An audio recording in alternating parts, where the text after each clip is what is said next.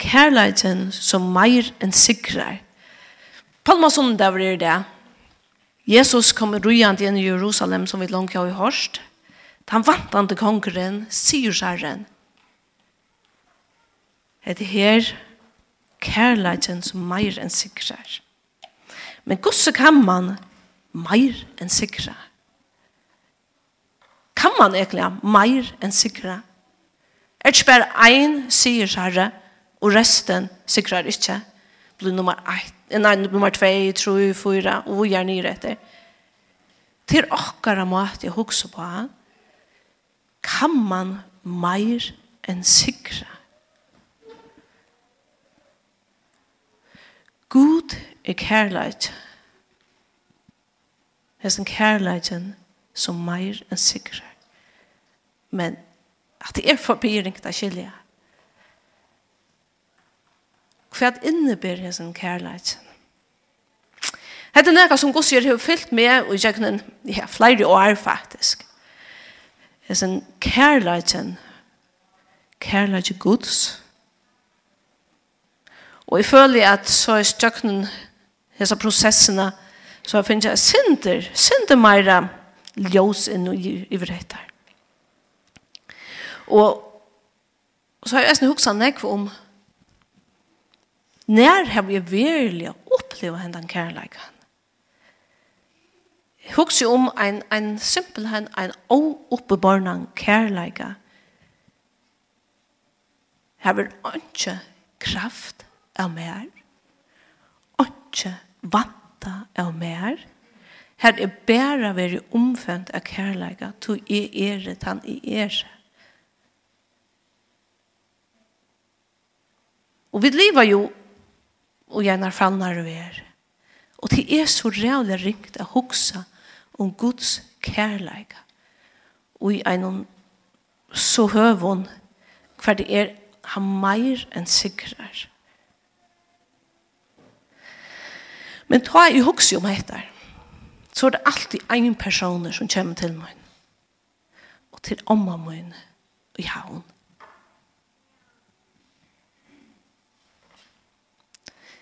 Til jeg får inn til henne, så ble jeg bare møtt ved en kærleika.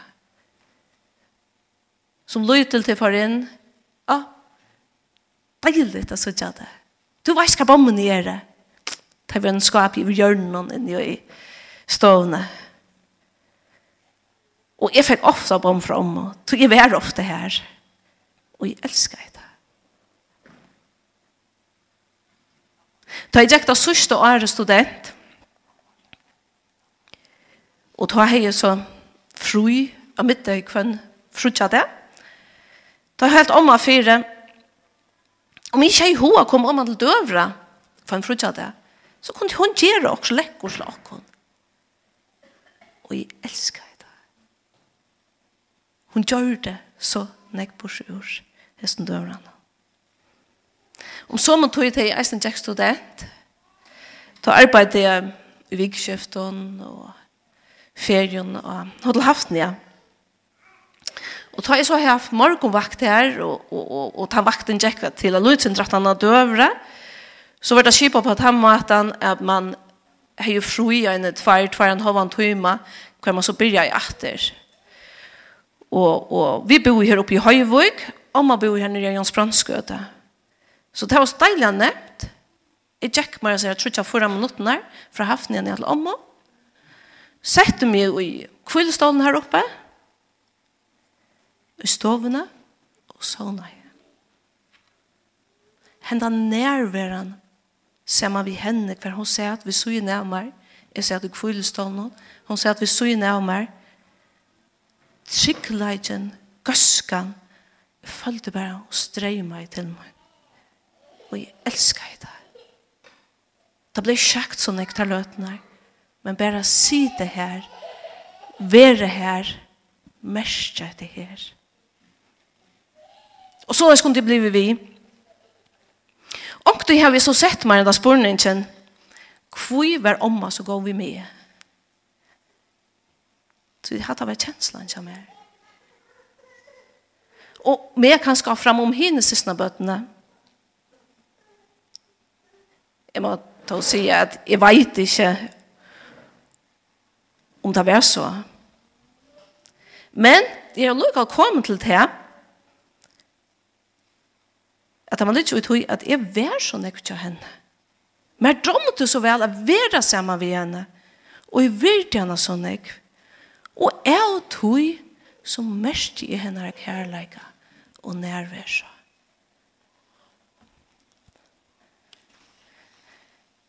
Og for jeg skiljer Guds kærleika til min, så hugsi jeg om om. For bare skilja det pikka pikkalund senter.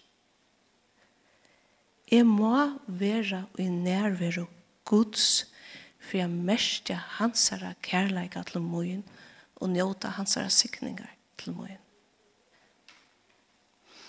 Omma, takk for at den neste myndene, hun tann i midten i her, Her hun akkurat fyllt 55, jeg har tidligere som myndene, mamma er hesmenne, moster min er hesmenne, og abbi er piver. Heita var omma. Det kan bare vekka til. Omma, hun kommer ikke på knøyene av Gud. Gud er kærleik. Og han viser okkon færje kærleika, mor kærleika, omme kærleika, Gud er kærleik.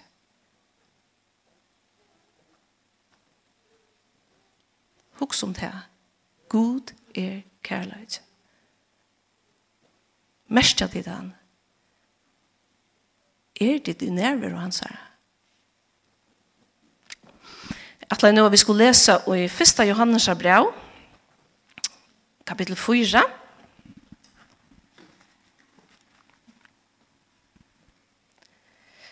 Fyrsta Johannes brev, kapittel 4, og fra ørende tjei til 21.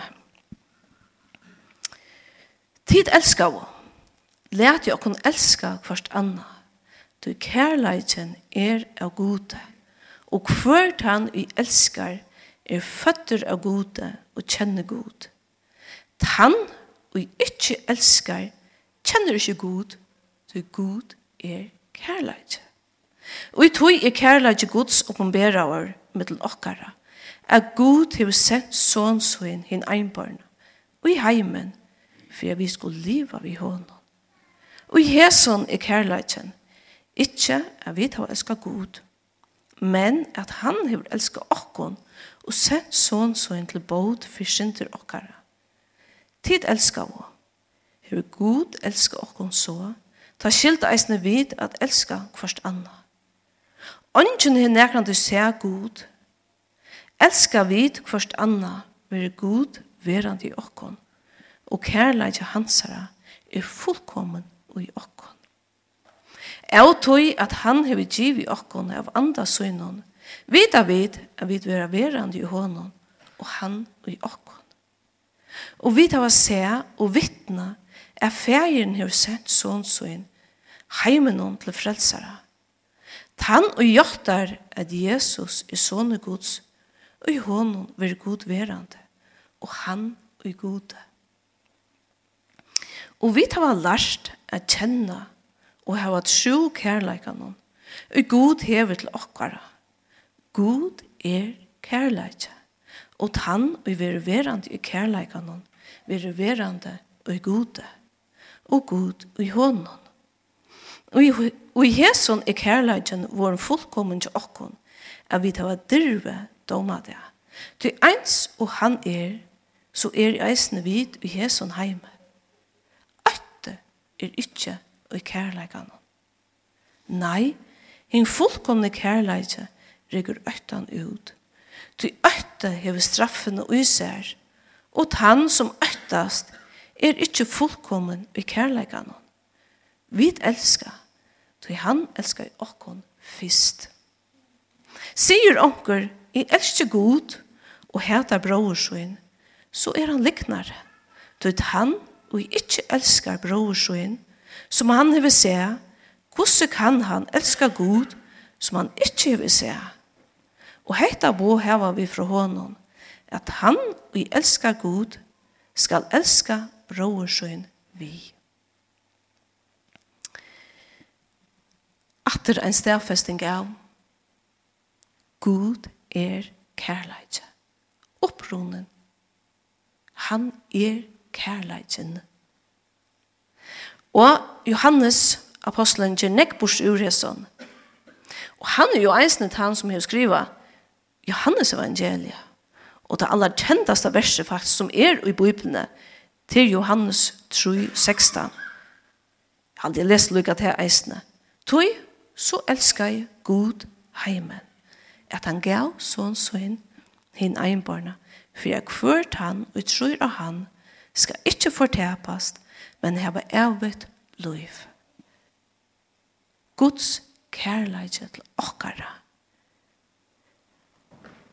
Og til er, han er oppronen, han rattar ut til okkara. Og som det eisne stender bæg i Johannes 3, 16, til såneren, sån sin sendi han og i synum kærleika til okkara at dodja fyrir okkon fyrir at endurvinna eit samfella atter vi okkon til han og hansara kærleika som gjer etta verset Det stendur jo og vi tar å se og vittne av ferien har sett sånn sånn heimen hon til frelsare. Ui suinun kærleika hefur han sendt Jesus Kristus heimenon til frelsara så at vi kunne komme i samband vi han og mestja hansara kærleika og i hansara nærvær. Og hetta fyri okken öll, öll, öll inni her og allan heimen som deisne stender. Han innskjer a frelsa okkon öll. Og til er prekva og i hansara kærleika til okkara. Og det som vi skulle gjøre, det er at skikva og gjotta Jesus som okkara frelsara. Så kommer vi og gjetta samband vi god og kunne liva næra til honom og mestja hans ara kærleika dagliga.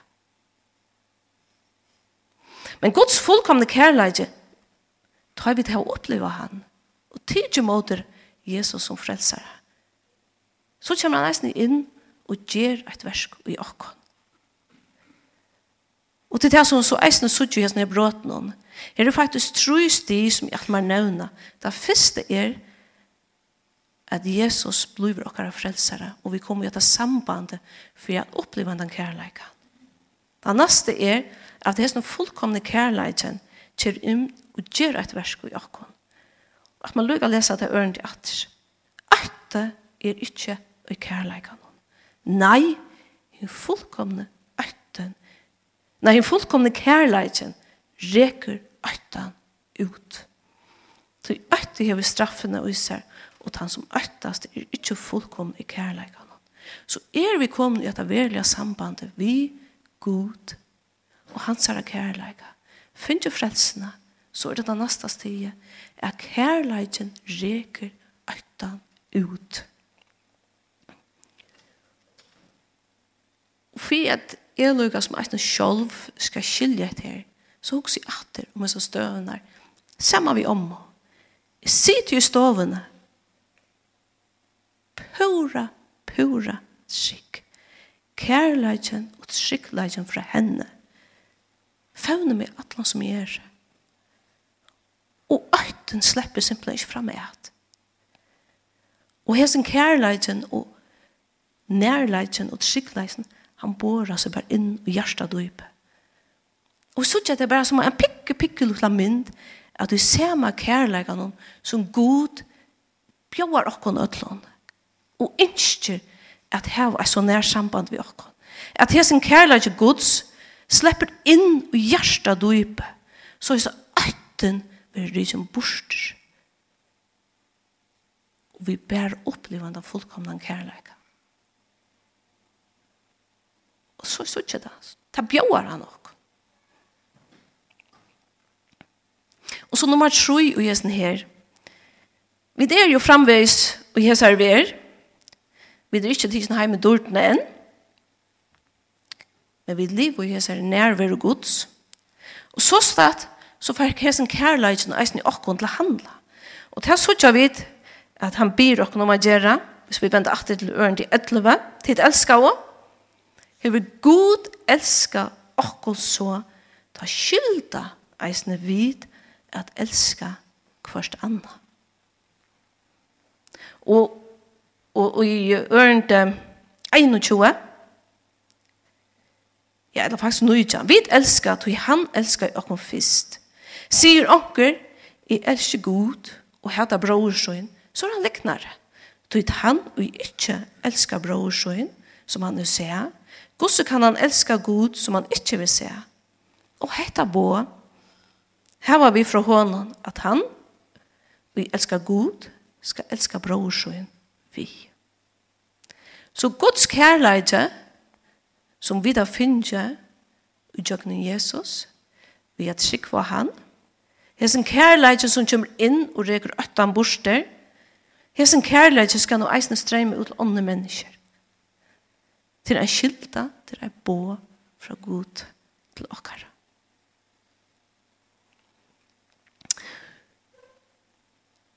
Så leis, så så ikke faktisk at brot i 1. Johannes brev her, kapittel 4, er en lykjel inn til Guds kærleika.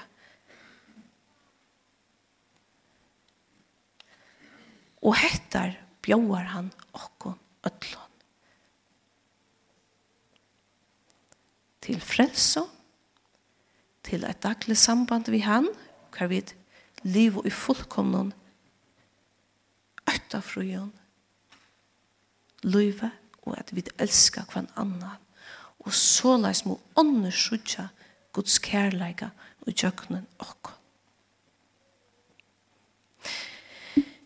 For jeg venter lukka som atter til deg her, kærleiken som meir enn sikrar. Så at man lukka venter til et vers Rombraunen 8, som faktisk er knutt inn ui etter vi det samme. Uh, for en av tog søgjene, leika i øyelig hardt og adja mer personlige, familiemessige. Og i arbeidene, enda var faktisk at jeg sier opp. Jeg følte øyne jeg vet ikke hver skal jeg fære. Hver skal jeg leite? Hver skal jeg finne fotafeste og til atres ned kærleitjen. Kærleitjen. Og ta var det her i Rombraunen 8, som faktisk er en fortsettelse av de samme tankene. Og i Rombraunen 8, og ørende 35. Hvor skal skilje okken fra av Kristus her? Trångt, endjust, ætsøkn, hungur, nærtilleitja, vanda, etla svør, kvæt kan koma. Loika mykje kvæt og herjar og er det neka som kan skilja meg fra kærleika Guds? Guds? Og så er det skjøytre. Nei. Og jeg har ødlån hæsson meir enn sikra vid vi hånden. Og jeg elskar jeg okkon. Meir enn sikra vid vi hånden. Jeg elskar jeg okkon. Tu er viser jeg kvarste deg eller liv, kvarste englar eller herradømme, kvarste det som nu er eller det som koma skal, eller makter. Kvarste et hua, hur djupa, eller neka anna og skapt er, skal få skilt okkon fra kærleika Guds og i Kristi Jesus Herra okkara. Och, och. Luika mykje kvært og kjemra av mina lei. Luika mykje kvært og kjemra tøyna lei. Och kan skilja til fra kærleika Guds. Og så handler det her nok så avhverst det her meir enn sikra vid vi honom og vi elskar i okkon. Vid meir enn sikra. Hvordan kan jeg meir enn sikra? Og dette er jo bare noe vi god å gjøre. Jeg kan jo ikke meir enn sikra. Hvordan kan jeg det her? Og, og jeg er ikke ferdig å opprunde tekst til å neka, men, men bare det her å hoksa seg til mer enn sikra. Til, til, til god, til god allan vegin, til at god er alltid meir. Så hesen kærleiken, etter en dimensjon som vi ikke ordentlig du har skilja, er du ikke skilja det. Og for lykka som skilja det lyd som det beter, vil det faktisk enda vi, det er så ikke jeg tenter stearinlig og serivre, eh, ljós i her, ta brenner. Guds kærleik til okkara brenner. Er vi nær at honom, feras vi i nærver og hansara, så mestja vi hitan vi liv i ljósen vi liv i hansara kærleika Og ta vi så tak i måter honom, så får vi den den kærleika. Vi får han fra honom beinleies. Så er det her. Hvordan nær er vi det at honom? Liva vi så mykje nær at hans herre kærleik alle tøyene røkker til okkon eller færre vi for lengt borster så er vi simpelthen kølna og slakna. Eller er vi der? Skulle det da være at vi færre så mye lengt borster at vi verlig kølna at vi verlig sløkna?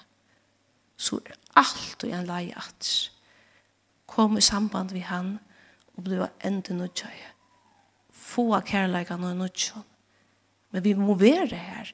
Vi må halda okkon her. God røymer ikke han er kærleikene Og ta jo så vidt av finnkjent den her kærleikan, henda loan fra gode, så innskjer han eisen i vi skulle gjøre det vår gjerne ånders. Så tid, kærleikan fra gode er han som meir enn sikrar. Kærleikan fra gode meir enn sikrar. Amen.